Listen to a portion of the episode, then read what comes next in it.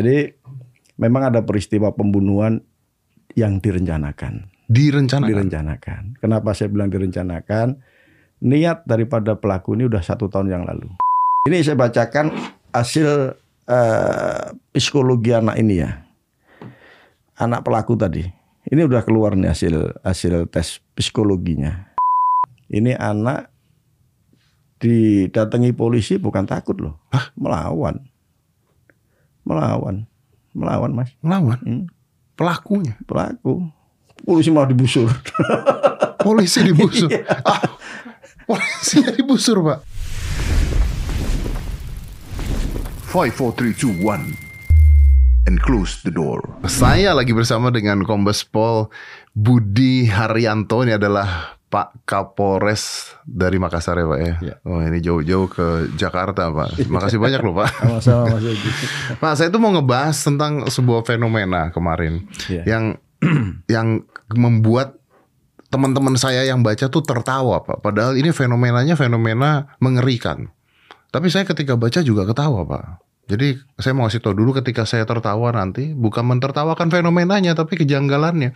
Jadi kemarin itu di Makassar ya Pak ya. Ya, Ada peristiwa pembunuhan dengan eh, tujuan menjual organ tapi nggak tahu organnya yang mana gitu pak terus nggak ketemu organnya gitu jadi ini gimana sih udah direncanakan tapi organnya nggak ketemu nggak tahu cara jualnya gimana dan kalau dipotong doang nggak bisa tuh pak kalau jual organ tuh kan harus dimasukin ke es batu Iya, ke mana iya. profesional gitu Iya, kan iya. ini nggak nggak tahu ngapain Iya. bunuh karena nggak tahu bisa apa-apa akhirnya buang aja ke mana ke air gitu ke empang dan sebagainya.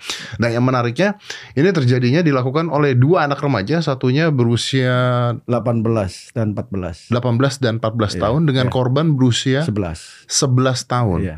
Oke Pak, saya nggak mau panjang lebar dulu Pak Pak Budi yang pada saat itu mengatasi hal tersebut. Ini anak kecil loh Pak. Iya, iya. A- Apa yang terjadi Pak sebenarnya? Iya. Sebelumnya saya mau ta- tanya dulu boleh ya? Boleh Pak, boleh. Kenapa ketawa? Karena eh, lucunya adalah eh, kayak nggak keplan gitu. Oke. Kenapa tidak keplan gitu? Iya, Berarti iya. kan ini memang anak ini melakukan karena nggak ngerti apa-apa Pak sebenarnya. Betul. Jadi kesian tapi aneh sekali. Apa fenomenanya apa? Apa Iya. yang terjadi? Ya, dia ini belajar dari mana gitu? Tahu dari mana gitu Pak? Oke, oke. Saya jawab ya. Iya, iya, oke. Jadi memang ada peristiwa pembunuhan yang direncanakan. Direncanakan. Direncanakan. Kenapa saya bilang direncanakan? Niat daripada pelaku ini udah satu tahun yang lalu. Sudah satu tahun. Satu tahun yang lalu sudah direncanakan. Maka saya sampaikan di pembunuhan berencana. eh, terus si pelaku ini mengajak korban untuk pura-pura membersihkan rumahnya dengan iming-iming dikasih uang jasa 50 ribu. Kenal nih berarti Nah, ya. kenal, kenal. Antara pelaku sama korban ini kenal. Dibawa ke rumahnya pada saat sudah di rumahnya di skenario untuk terlena dengan disiapkan laptop, terus dikasih handset. Nah pada saat korban asik untuk bermain laptop itulah dieksekusi. Nah, Dieksekusinya nih, maaf nih Pak, ini kan anak umur 18 dan 14 tahun. Dieksekusi nih dengan cara ya dicekik sama di dibuat tidak bisa bernapas, ditutup mulutnya dan akhirnya sampai meninggal. sampai meninggal. Nah, Oke. yang anehnya seperti Pak Mas Dedi tadi sampaikan, orang mungkin ketawa, ya mungkin ketawa karena belum terplan tapi sudah dilakukan. Udah, iya. Inilah pentingnya kalau menurut saya peran serta lingkungan. Makanya dalam peristiwa tersebut kami mencoba untuk mencari latar belakang. Latar belakang kenapa peristiwa ini terjadi. sampai ke sana. Ya, Ini dari kepolisian atau dari mana? kami berusaha untuk mencari latar belakang. Heeh. Ternyata setelah kami pelajari pendalaman terhadap eh, pelaku, ada tiga aspek yang kami eh, pisahkan. Yang pertama aspek sosiologis, Hmm. bagaimana hubungan pelaku dengan lingkungannya. Hmm. Lingkungan itu kan mulai dari lingkungan keluarga, lingkungan sekolah, lingkungan pergaulan di kampung, Iya. dan sekarang ini ada namanya dunia maya. Sosial media nih. Nah, dunia maya. si pelaku ini kesehariannya selalu ditekan oleh orang tuanya. Disampaikan bahwa anak yang tidak berguna, tidak bisa membantu orang tua dan lain sebagainya. Dua-duanya. Eh, ya, dua-duanya hampir sama. Ya, ini hampir sama. Nah, pada posisi anak tertekan oleh sosial lingkungan sosialnya khususnya keluarga, ini anak muncul dendam. Dendam pengen membuktikan kepada orang tuanya bahwa dia bisa mencari uang, dia bisa kaya, sehingga muncullah ide yang bersangkutan pelaku ini untuk berusaha mencari uang. Hmm. Nah, ditambah lagi faktor sosial tentang hubungan dia dengan dunia maya. Hmm. Pada dasarnya anak ini memang rajin dia, mengakses internet itu rajin. Oke. Dia mencari tahu bagaimana cara mencari uang. Ternyata dia pernah melihat situs ada namanya perdagangan organ, Dia melihat situs perdag ada. Oke. perdagangan organ. Wow. Kan Nama, ini namanya anak-anak. Ininya logiknya belum nyampe. Makanya Mas Dedi tadi ketawa. Ya kan belum terplan sudah dilakukan. iya kan. Nah, inilah yang saya sampaikan aspek sosiologis sangat ber- sangat penting dalam mempengaruhi kejiwaan anak. Ditambah lagi aspek psikologis. Aspek psikologis ini karena tekanan sosiologisnya dia bisa berubah. Sifatnya. Sifatnya bisa berubah. Dia bisa untuk tidak mengenal rasa peri kemanusiaan dan dia bisa melakukan hal-hal yang di luar nalar untuk mewujudkan keinginannya. Anak ini sekolah nggak, Pak? sekolah Sekolah. kelas 3 SMA. Eh, keadaan eh, keluarga kalau tadi Bapak mengatakan dia suka main sosial media, komputer dan sebagainya, menengah ke bawah, susah. menengah ke bawah, nah, dia berusaha untuk cari sedikit-sedikit itu dengan cara yang menurut pengakuan si pelaku ini dia ngambilin uang orang tuanya Oke. waktu berdagang untuk ya beli-beli barang-barang yang bisa untuk dia memang hobi mengakses internet. Iya. Nah, dari aspek psikologis itu tidak lepas dari aspek sosiologis yang mempengaruhi yang tadi saya sampaikan. Karena tekanan dari lingkungan eh, keluarga dan dia berhubungan dengan dunia maya mempengaruhi psikologisnya. Hmm. Dan yang ketiga aspek yuridis. Yang bersangkutan belum tahu bahwa itu merupakan perbuatan terlarang. Bah, nggak mungkin dong, Pak. Betul. Hah? Artinya tidak pernah menyadari kalau membunuh ini akan bakal punya sanksi yang sedemikian Usia hebat. 18 tahun dia sudah mengakses internet, Pak. Nggak mungkin dia tidak tahu membunuh itu tidak melanggar hukum kan, Pak? Bukan tidak melanggar hukum, tapi dia tidak, tidak belum bisa me, Mengkalkulasi mengkonstruksi, iya, mengkonstruksi atau mengkalkulasi berapa beratnya hukuman ketika membunuh. Oh my god. Itulah tiga aspek yang memang betul-betul menjadi perhatian kita Aduh, bersama. Aduh, aduh, aduh, aduh, aduh, aduh, aduh. ini, ini, ini ketawa, ini saya jahat nih kalau ketawa, cuman art, aduh. Artinya memungkinkan seorang anak terpapar sampai seperti itunya untuk melakukan sebuah kejahatan. Terpapar seperti itunya karena berbagai aspek tersebut. Oke. Nah, eh, tapi kan tadi Bapak mengatakan orang tua. Di sini aspek orang tua. Berarti orang tua berperan penting di sini. Faktor lingkungan, Faktor lingkungan berperan penting. Dunia maya Lingkungan dia tahu oh, bahwa cari uang mungkin dia cek cari uang, Iya. jual organ, Iya. cari uang gitu Iya. kan. Tapi dia belum sampai ngecek misalnya cari uang kalau jual organ itu orangnya harus diapain, nanti organnya ditaruh di mana dan sebagainya. Nggak belum kepikiran tuh buat dia. pengetahuan pengetahuan secara logik dalam hal dia menerima pemberitaan di dunia maya ini belum belum full. Sehingga apa? Dia tidak pernah memikirkan ketika sudah ada mayat bagaimana mengambil organnya kan tidak pernah terpikir itu. Iya, betul. Bagaimana setelah organ diambil disimpan supaya awet, terus di, di, di- dijualnya ke mana kan Iya jualnya ke mana aja belum tahu. Mau jual ke mana ini Iya, organ ini kan? Belum tahu. Itulah makanya saya bilang tiga aspek itu sangat luar biasa dalam mempengaruhi seseorang. Eh, pemilihan korbannya gimana Pak? Acak dia, Acak. acak. Mana yang dianggap lengah, mana yang dianggap gampang untuk ditarik, ya dia akan lakukan Dan Bapak mengatakan bahwa ini sudah diplan selama satu tahun. satu tahun. Korban belum tahu nih selama setahun ini siapa kira-kira.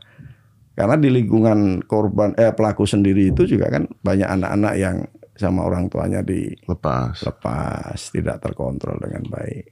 Oke, dan dan dan ketika ketika terjadi hal tersebut sampai terjadi pembunuhan tersebut, eh, artinya kan korban dibongkar ya, atau ya di- dipotong dong berarti dong. Enggak, enggak sempat. Karena begitu Oh itu nggak sempat dipotong? Nggak sempat. Jadi begitu tahu korban udah meninggal, dia mencoba berkomunikasi dengan yang pernah dia komunikasikan jauh sebelum hari. Hah, Yandek namanya, aplikasi Yandek.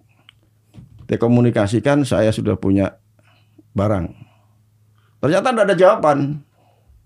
Tidak ada jawaban, bingung. Dia ngomong lagi sama teman yang satunya ini gimana nih? Ya gimana kamu bisa nggak untuk ngambil organnya? Saya juga bisa. Kamu nggak bisa juga. Akhirnya itu daripada busuk akhirnya dibuang. artinya aplikasi Yandek ini juga dalam pemeriksaan dong saat ini. Itu kan aplikasi luar ya. Nah kemarin kami monitor dari Barreskrim sudah men-take down semua, menutup eh, apa namanya situs-situs yang memang sangat sangat berbahaya ketika itu dilihat oleh orang apalagi yang masih di bawah umur. Dan satu lagi menarik, saya tidak perlu nyebutkan dari media TV mana, si pelaku ini pernah melihat melihat tentang eh, perdagangan organ di salah satu TV nasional. Makanya di sini kesempatan yang baik saya ingin menyampaikan bahwa menurut kita orang dewasa tampilan di televisi itu belum tentu jelek. Tapi anak-anak yang otak mereka ini Ah, anak-anak yang ya. mengkonsumsi ini kan penerimanya beda. Iya, iya, iya, iya. Nah, itu. Apalagi dengan tekanan-tekanan lingkungan dan dia ingin membuktikan gitu. Iya. Di sini juga tadi tadi saya sempat bicara dengan Pak Budi juga gitu. Maksudnya banyak sekali anak-anak yang menjadi akhirnya hidupnya berubah atau pelaku kriminalitas karena tekanan dari lingkungan dan keluarga yang berharap lebih dengan cara yang salah kan sebenarnya dengan maki-maki. Orang tua tuh bisa membuli anaknya loh sebenarnya. Membandingkan anaknya dengan anak orang lain gitu kan. Iya, kan banyak tuh. Oh, anak kamu udah umur segini belum jadi apa-apa. Tuh lihat tetangga. Anak tetangga udah jadi manajer. Itu bahaya sekali. Iya. Untung anaknya nggak bilang, tuh lihat Kaisang, bapaknya udah jadi presiden. itu bahaya, bahaya sekali kalau orang tua mau membuli anaknya, wah bah- bahaya. Bahaya, iya bahaya. betul. Nah ini eh, dia sudah tahu bahwa ini organ ini ketika dijual dapatnya berapa apanya atau sama sekali belum tahu mas. Sudah ada harga-harganya di situ. Udah ada harga-harganya. wow. Sudah itulah konten yang membahayakan kan ya seperti itulah. Ya artinya kalau ini dilakukan oleh orang yang lebih dewasa dan profesional mungkin bisa terjadi lebih parah dong. Ya kalau itu dilakukan oleh orang profesional ya situs itu benar apa enggak kan kita, Kita belum nggak tahu juga. nggak tahu. Oke pak, nah mengatasi masalah seperti ini kan beda-beda ya ketika orangnya dewasa atau preman atau pelaku yang sudah eh, kita TO dengan anak kecil yang usia 14 tahun dan 18 tahun. Hmm. Polisi menghadapi anak berusia 14 tahun yang membunuh orang. Hmm. Ini kan nggak gampang. ini kan ini kan sulit pak. Ya dong. Iya. Kalau preman kita tamparin aja lah gitu maksudnya sampai ngaku gitu misalnya. Anak usia 14 tahun ini gimana Gi- gimana? Gimana? Gimana apa BAP-nya gimana? BAP-nya gimana? Menghadapinya gimana? Ya, jadi kan ada aturannya. Ah. Kalau di dalam Undang-Undang Perlindungan Anak itu kan pelaku yang masih anak itu sekaligus korban. Makanya saya sampaikan tadi, ini yang sebenarnya paling bertanggung jawab adalah lingkungannya. Meskipun anak itu tetap salah, kita proses hukum dan ada aturan di dalam Undang-Undang Perlindungan Anak, cara kita menangani juga ada aturannya. Hmm. Nah, Dia didampingi oleh LPAI, Oke. ya kira-kira gitulah. Usia berapa nih dianggap anak, Pak? Belum menikah dan di bawah 18 ya. Kalau dia udah 18 berarti yang satunya? Yang satunya sebenarnya udah dewasa tapi masih sekolah. Ah, Nah, kategorinya ya rancu dong berarti. nanti bukan rancu, nanti ada ahli yang menyatakan bahwa dia masuk dewasa, dia masuk anak-anak. Dan perilakunya pasti beda ya. Kita memperlakukannya beda karena aturannya memang Karena ada. aturannya memang beda. aturannya. Kalau seorang anak eh, artinya kan orang orang tua korban pasti menuntut dong. Pasti menuntut hukuman dan sebagainya. Berarti ini terjadi konflik juga lagi dong, Pak ya? Sempat terjadi konflik, makanya kan sempat diamuk itu. Orang tuanya pelaku rumahnya dirusak Iya, sama sama warga. warga Iya. karena emosi kan. Tapi sudah kami datangi, sudah kami tenangkan, sudah percayakan sama penyidik bahwa ini akan kita proses tuntas. Masalah hukuman ya tergantung hakim nanti. Nah, oke. Eh, saya tahu kalau dari polisi tidak tidak sampai ke ranah sana sebenarnya. Tapi eh, saya yakin Anda juga paham, Pak. Maksudnya kalau kejadian-kejadian saya mau bilang kejadian-kejadian seperti ini, tapi kayaknya Pak Budi kayaknya baru ngalamin kali ini juga kan. Tapi saya se- se- sering melihat satu peristiwa pidana ini, saya lihat latar belakang kenapa sih kok bisa terjadi itu. Saya, saya senang saya lihat latar belakang itu. Motifnya berarti. motif motif dan yang mempengaruhi kenapa kejahatan itu dia lakukan itu itu rata-rata saya saya lihat Ya, tapi oke kita bahas nih Pak. Ini menarik nih pembahasan Pak. Eh, saya setuju dengan Pak Budi. Tapi kan sekarang kita berada di dunia di mana kita tidak bisa mengontrol sosial media nih. Apa yang muncul di sosial media, apa yang kita lihat di sosial media. Kita ngelihat sosial saya selalu mengatakan sosial media tuh isinya bohong semua. Orang kelihatan bahagia padahal lagi nangis-nangis. namanya dunia maya Namanya dunia maya. Betul. Namanya dunia maya. Dan anak di umur mereka itu tidak se eh, privilege kita loh Pak. Iya. Tidak diuntungkan seperti kita. Karena kalau usia-usia kita itu kita pernah mengalami tanpa sosial media, masuk sosial media awal-awal sampai sosial media. Kita tahu memfilter Pak. Iya. Anak-anak yang lahir di usia Bapak punya anak dong. ada Usia berapa Pak? udah 23 Yang paling kecil? yang kecil 13 eh, 9 tahun Nah, yang 9 tahun pasti udah mainan iPad, Pak. Iya. Nah, makanya gimana gimana dong ayo, Pak? ya dibatasi dibatasi kita set- setting kan bisa itu iPad-nya atau laptopnya itu setting untuk dibatasi eh, konten-konten anak-anak YouTube anak-anak itu anak-anak. Tapi Ya. dia buka Google, Pak. Gimana, Pak? Tiba-tiba yang dibuka Jadi- Yanex. habis main kita cek historinya. kita cek historinya. Ini peran penting orang tua. Jadi kerjaan orang tua nambah nih Iya, sekarang, Pak. ya? Ya harus kalau udah resiko mau punya anak Iya, bener, bisa ya. kita biarkan. Itu. Iya, Iya, benar benar. Ini kuncinya di orang tua. Kalau orang tua kencang dalam pengawasan anaknya bermain media sosial ya mudah-mudahan sih selamat. Kenapa kenapa Bapak dari tadi menekankan ini kuncinya di orang tua, di orang tua, di orang tua? Karena saya melihat saya tadi pelaku anak-anak, pelaku kejahatan anak-anak itu ya korban juga, Iya, iya. korban korban lingkungan. Iya, iya. Ini penting sekali orang tua ini. Ya kesempatan baik ini kita ingatkan lah orang tua lebih kencang lagi dalam pengawasan anaknya bermain media sosial. Saya pernah bicara seperti itu di salah satu forum. Tapi ada perdebatan yang terjadi yang mengatakan bahwa mudah sekali untuk saya atau saya bisa bilang nih mudah sekali juga untuk Bapak untuk bicara seperti itu karena kita punya kapasitas untuk menjaga anak kita. Tapi ada Pak, orang-orang dengan ekonomi menengah ke bawah yang dia harus kerja buruh harian dan sebagainya, dia nggak punya kapasitas untuk jagain anaknya nih. Nah itu juga jadi dilema juga kan. Ya kalau memang nggak bisa diperkuat ilmu agamanya, Ya. ilmu agamanya.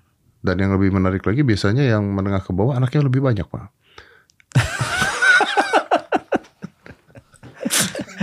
Kenyataan loh itu Iya, kenyataan iya. itu survei loh pak Iya, bukan iya. omongan saya itu ya Iya, itu iya. survei pak Iya, itu iya. survei itu survei Ya, ya betul. Iya betul. Oke pak.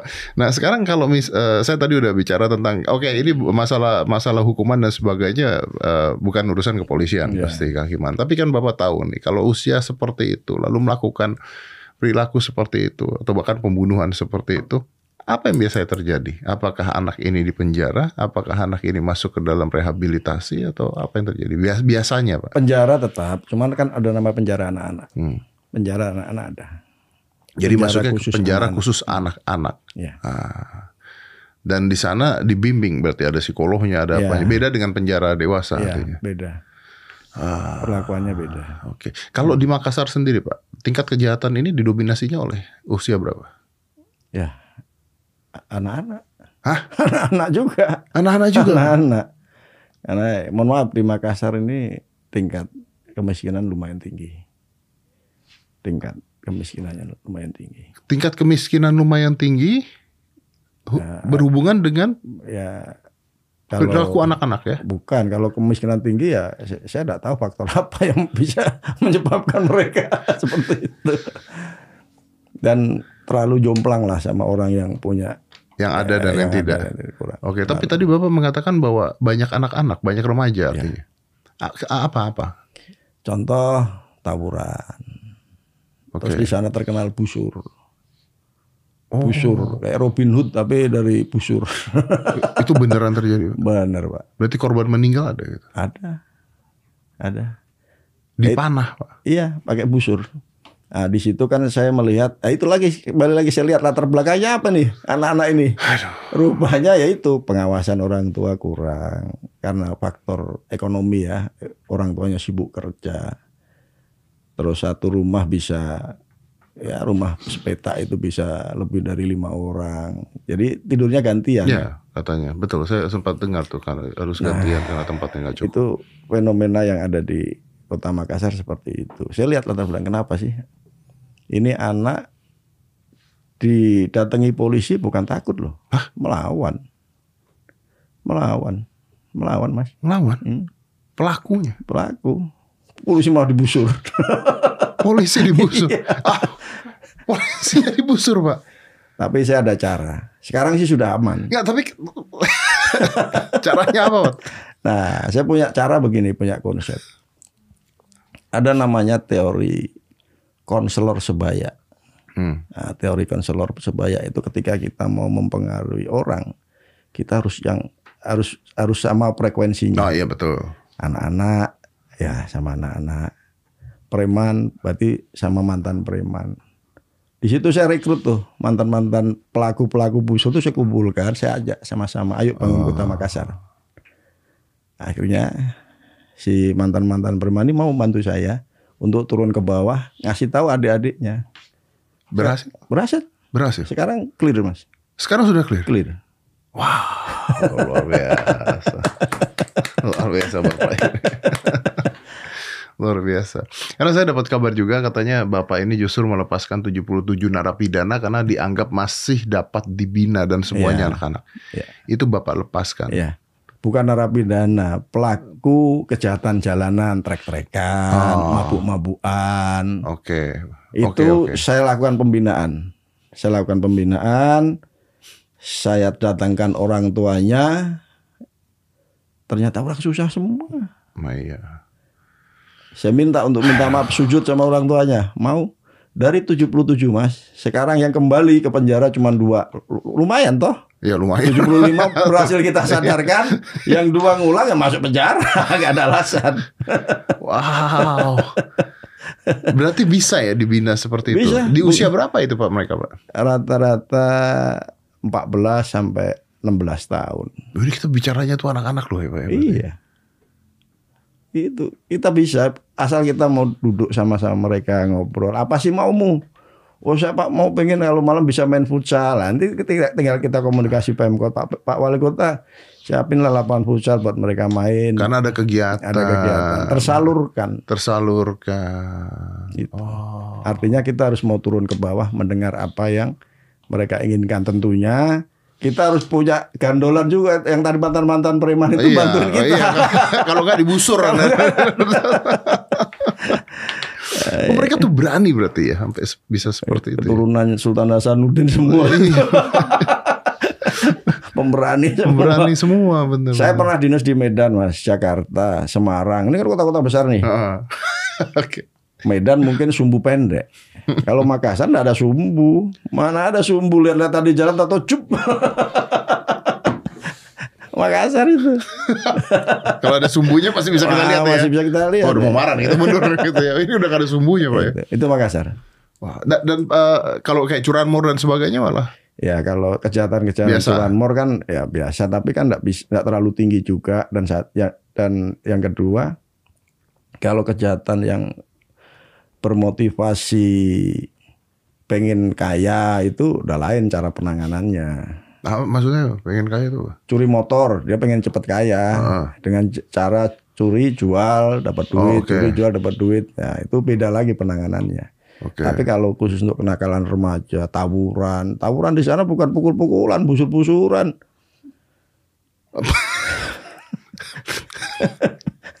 Berarti jarak jauh dong, Pak.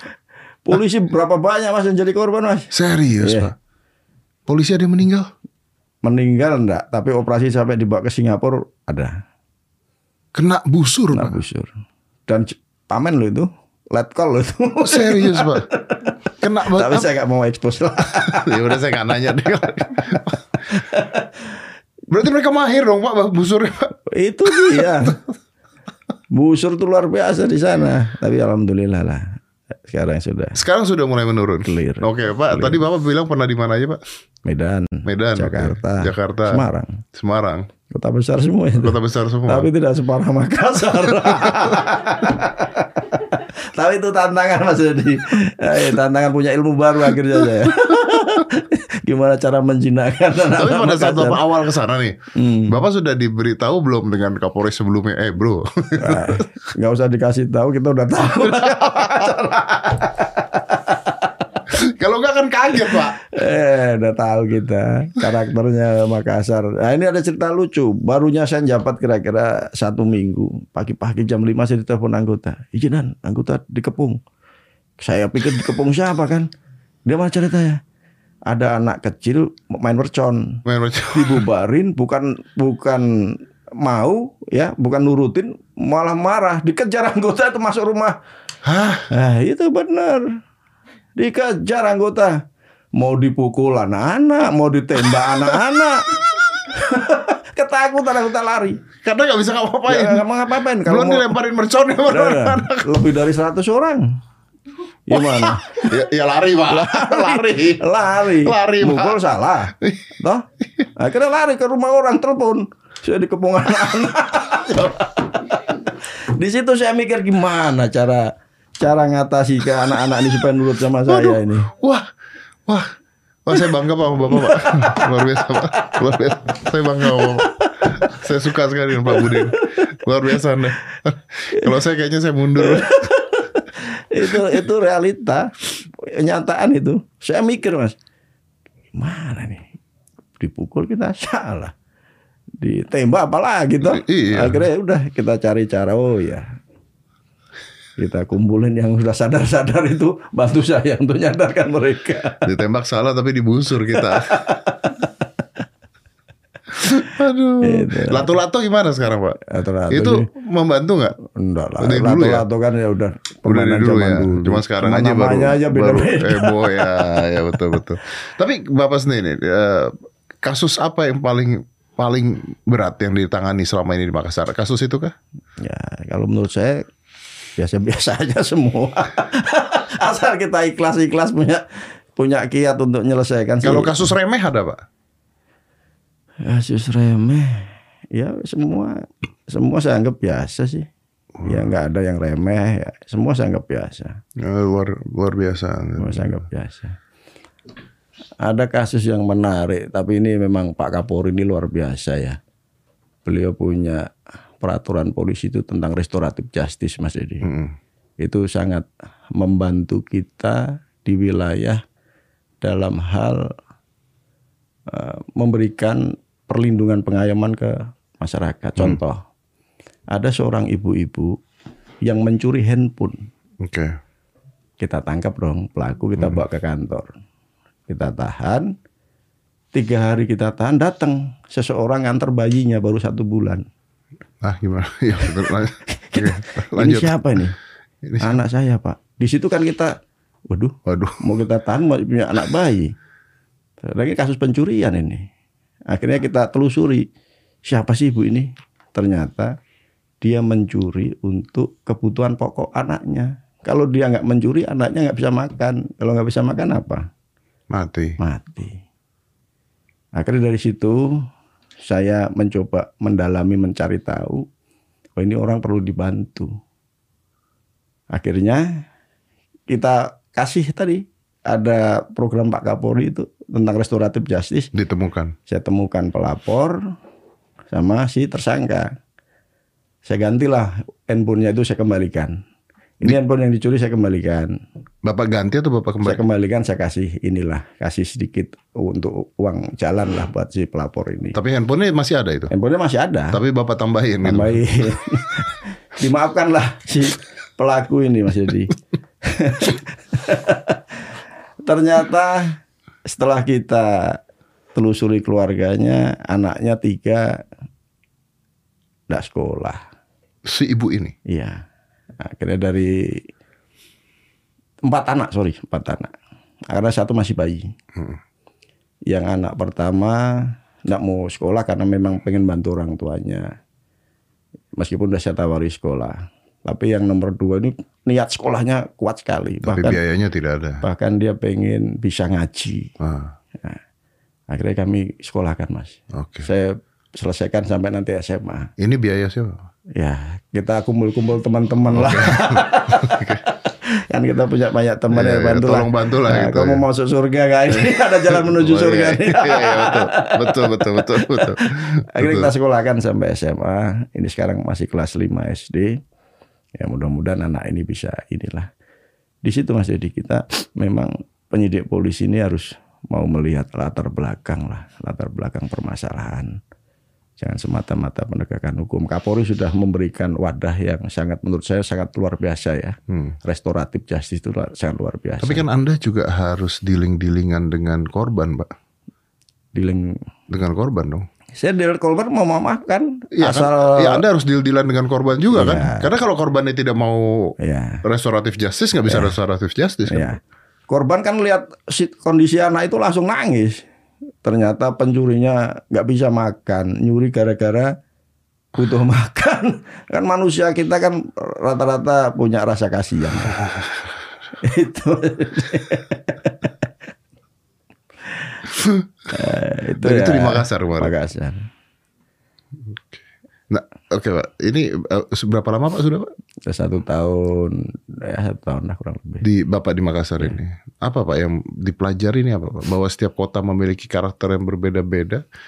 Jadi Atau- gini, kalau mohon maaf, kalau di daerah saya tempat tadi berdinas ya, itu kriminal itu dilakukan untuk menambah kekayaan. Orang sudah punya, pengen lebih kaya, lebih punya. Kalau di Makassar enggak loh, Bertahan hidup. bertahan hidup. Coba. Benar, kota Sulit- besar loh, Sulit Anda jadi polisi. kota besar. loh. ini Makassar kan? Nah, pintu gerbang Indonesia Timur. Iya loh. Buk- Itu kota besar loh Pak. Nah, jangan sampai kejahatan yang di tempat saya tadi Medan, Sumatera, Jawa itu udah menular ke sana. sana. Mumpung masih seperti itu bisalah kita benari. Tentunya wali kota Makassar kan support betul ke kita untuk membackup. Eh, ini memang eh, bukan ranah Bapak, tapi penyebab terbesar kemiskinannya apa?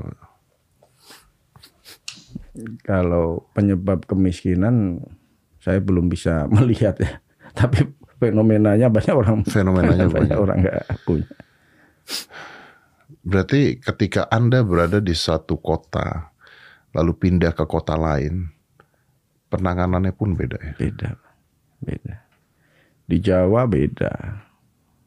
Di Medan beda lagi. Iya. Makassar beda. Makassar itu orang keras, orangnya keras. Tapi ketika kita mau baikin, wah luar biasa mas.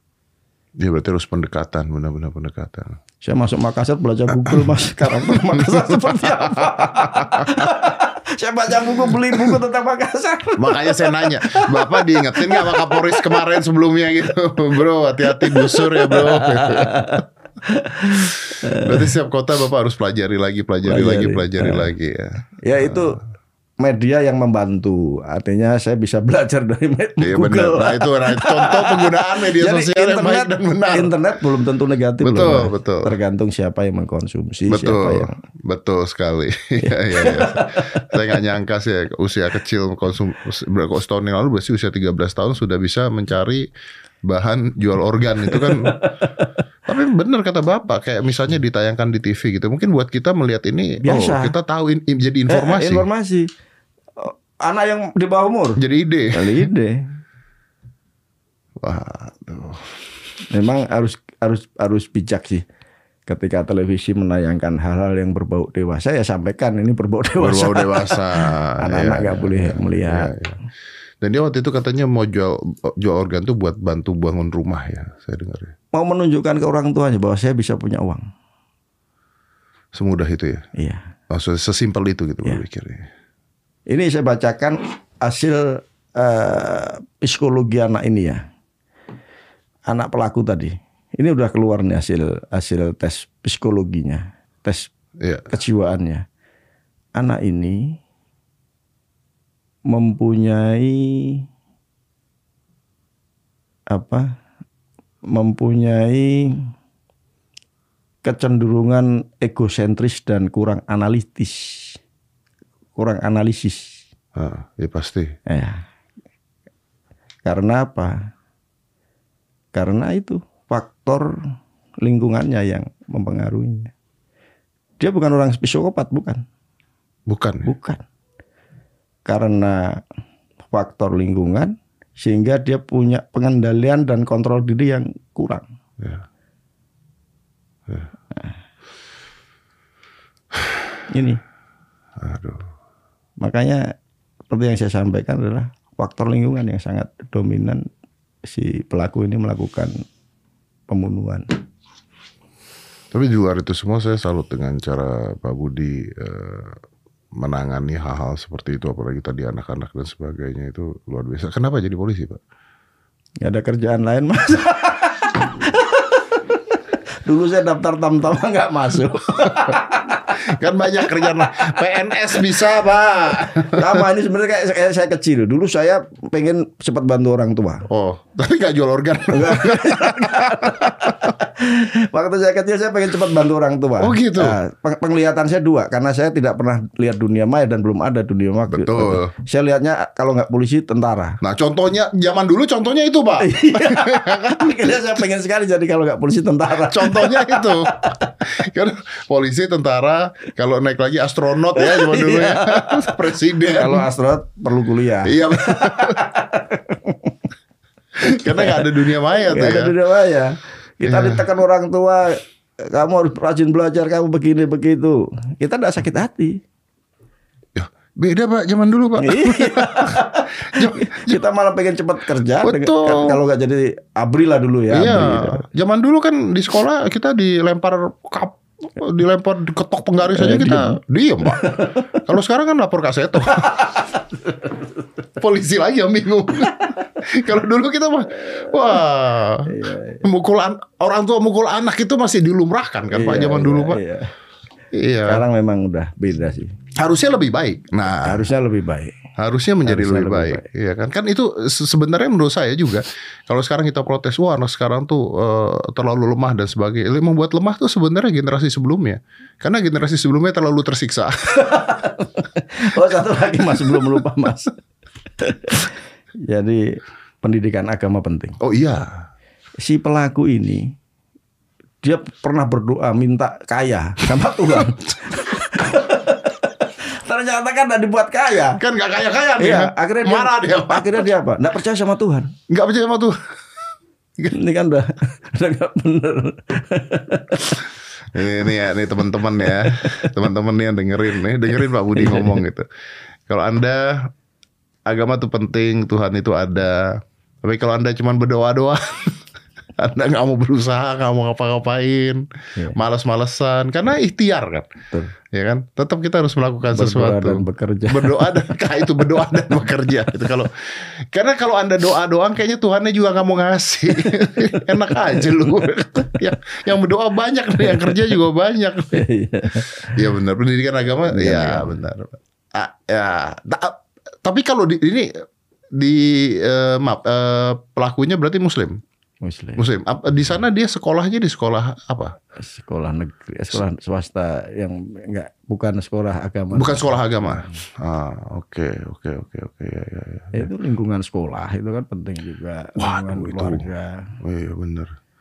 Salam. Pendidikan agama lah dari dulu kan ada pendidikan agama. Iya betul betul. Ya ya itu memang penting semuanya penting. Tapi bapak Budi ini ngomongin semuanya penting nih. Jadi kalau kalian nanti mau punya anak tuh perhatikan baik-baik satu. Ini kalau saya ngomong gini saya dibully biasanya nih pak. Satu kalau anda belum cukup mapan. Pikirkan baik-baik dulu untuk punya anak banyak itu penting loh pak. Karena banyak anak banyak rezeki itu bohong. banyak anak itu banyak pengeluaran. kalau anaknya sukses semua baru banyak rezeki. Itu pun kalau masih ingat sama Anda ya. Jadi mapan mapan cukup lah untuk menghidupi a- anaknya itu penting satu. Kedua pendidikan agama itu penting. Kedua lingkungan penting. Sosial media. Nah, sosial media orang orang orang beragama baik aja ngeliat sosial media aja bisa berubah pikirannya. Iya. Aduh, Pak, ini Pak ya, apa eh, semangat. Pak, tapi ngomong-ngomong tadi Bapak mengatakan ini anak dari keluarga gini susah dan sebagainya. Berarti Bapak juga dulu susah, Pak. Susah. Cuman karena nggak kenal dunia maya. Jadi jadi Selamat. Benar. Kalau sekarang Bapak susah ngeliat ini orang-orang kok liburan enak-enak, healing. Jadi compare kita Pak sama Iya. orang-orang, Pak. Iya. Kalau zaman dulu kayaknya susah kita nggak kok paling tetangga kita compare susah juga pasti itu. Karena kalau kita susah tinggalnya sama orang susah juga tetangga. Bener pak, saya dari keluarga menengah ke bawah. Iya, iya. Saya dari keluarga menengah ke bawah dan eh, saya sering cerita lah ayah saya waktu datang ke Jakarta pertama kali supir bemo pak. Hmm. Jadi saya nggak mengal, saya tidak merasakan susah pada saat itu. Karena kalau keluar rumah kanan kiri susah semua. Banyak teman. Banyak teman. Nggak ngebandingin sama orang-orang lain kan Iya, pak. iya, iya. Iya kan. Kalau Karena sekarang pendidikan agamanya mungkin kuat. Betul itu satu. Iya. Kedua juga kita mau bandingin sama siapa dan kita cuman mau berusaha supaya ngerubah Nasib. nasib kita doang aja dengan lebih baik lagi gitu. Waduh. Pak Budi, terima kasih banyak. Terima kasih, Mas Saya Edi. senang sekali hari ini bisa Sama-sama. bicara Pak Budi. It's an honor, sebuah kehormatan dan eh, jujur nih, eh, saya tadi tidak berharap bahwa eh, pembicaraannya akan mengalir sepanjang ini. Eh, dalam arti kata panjang ke mana-mana, tapi ternyata Pak Budi melihatnya dari sisi yang berbeda gitu, melihat dari sisi yang lebih psikologi, filos- filosofi, agama, bahwa kurangnya itu semua membuat anak-anak bertingkah dan berperilaku kejahatan Iya. dan saya rasa eh, ini yang harus dipahami juga dengan teman-teman eh, penegak hukum Iya. lainnya juga gitu ya bahwa ada faktor lain loh ini yang Iya. terjadi dan mereka juga korban loh sebenarnya ya betul Pencegahan kejahatan. Iya, pendidikan ya ya. Wah, tapi ini penting dan ini luar biasa. Saya tadinya mau bicara tentang tindak pidana dan hukum. Ending-endingnya jadi parenting.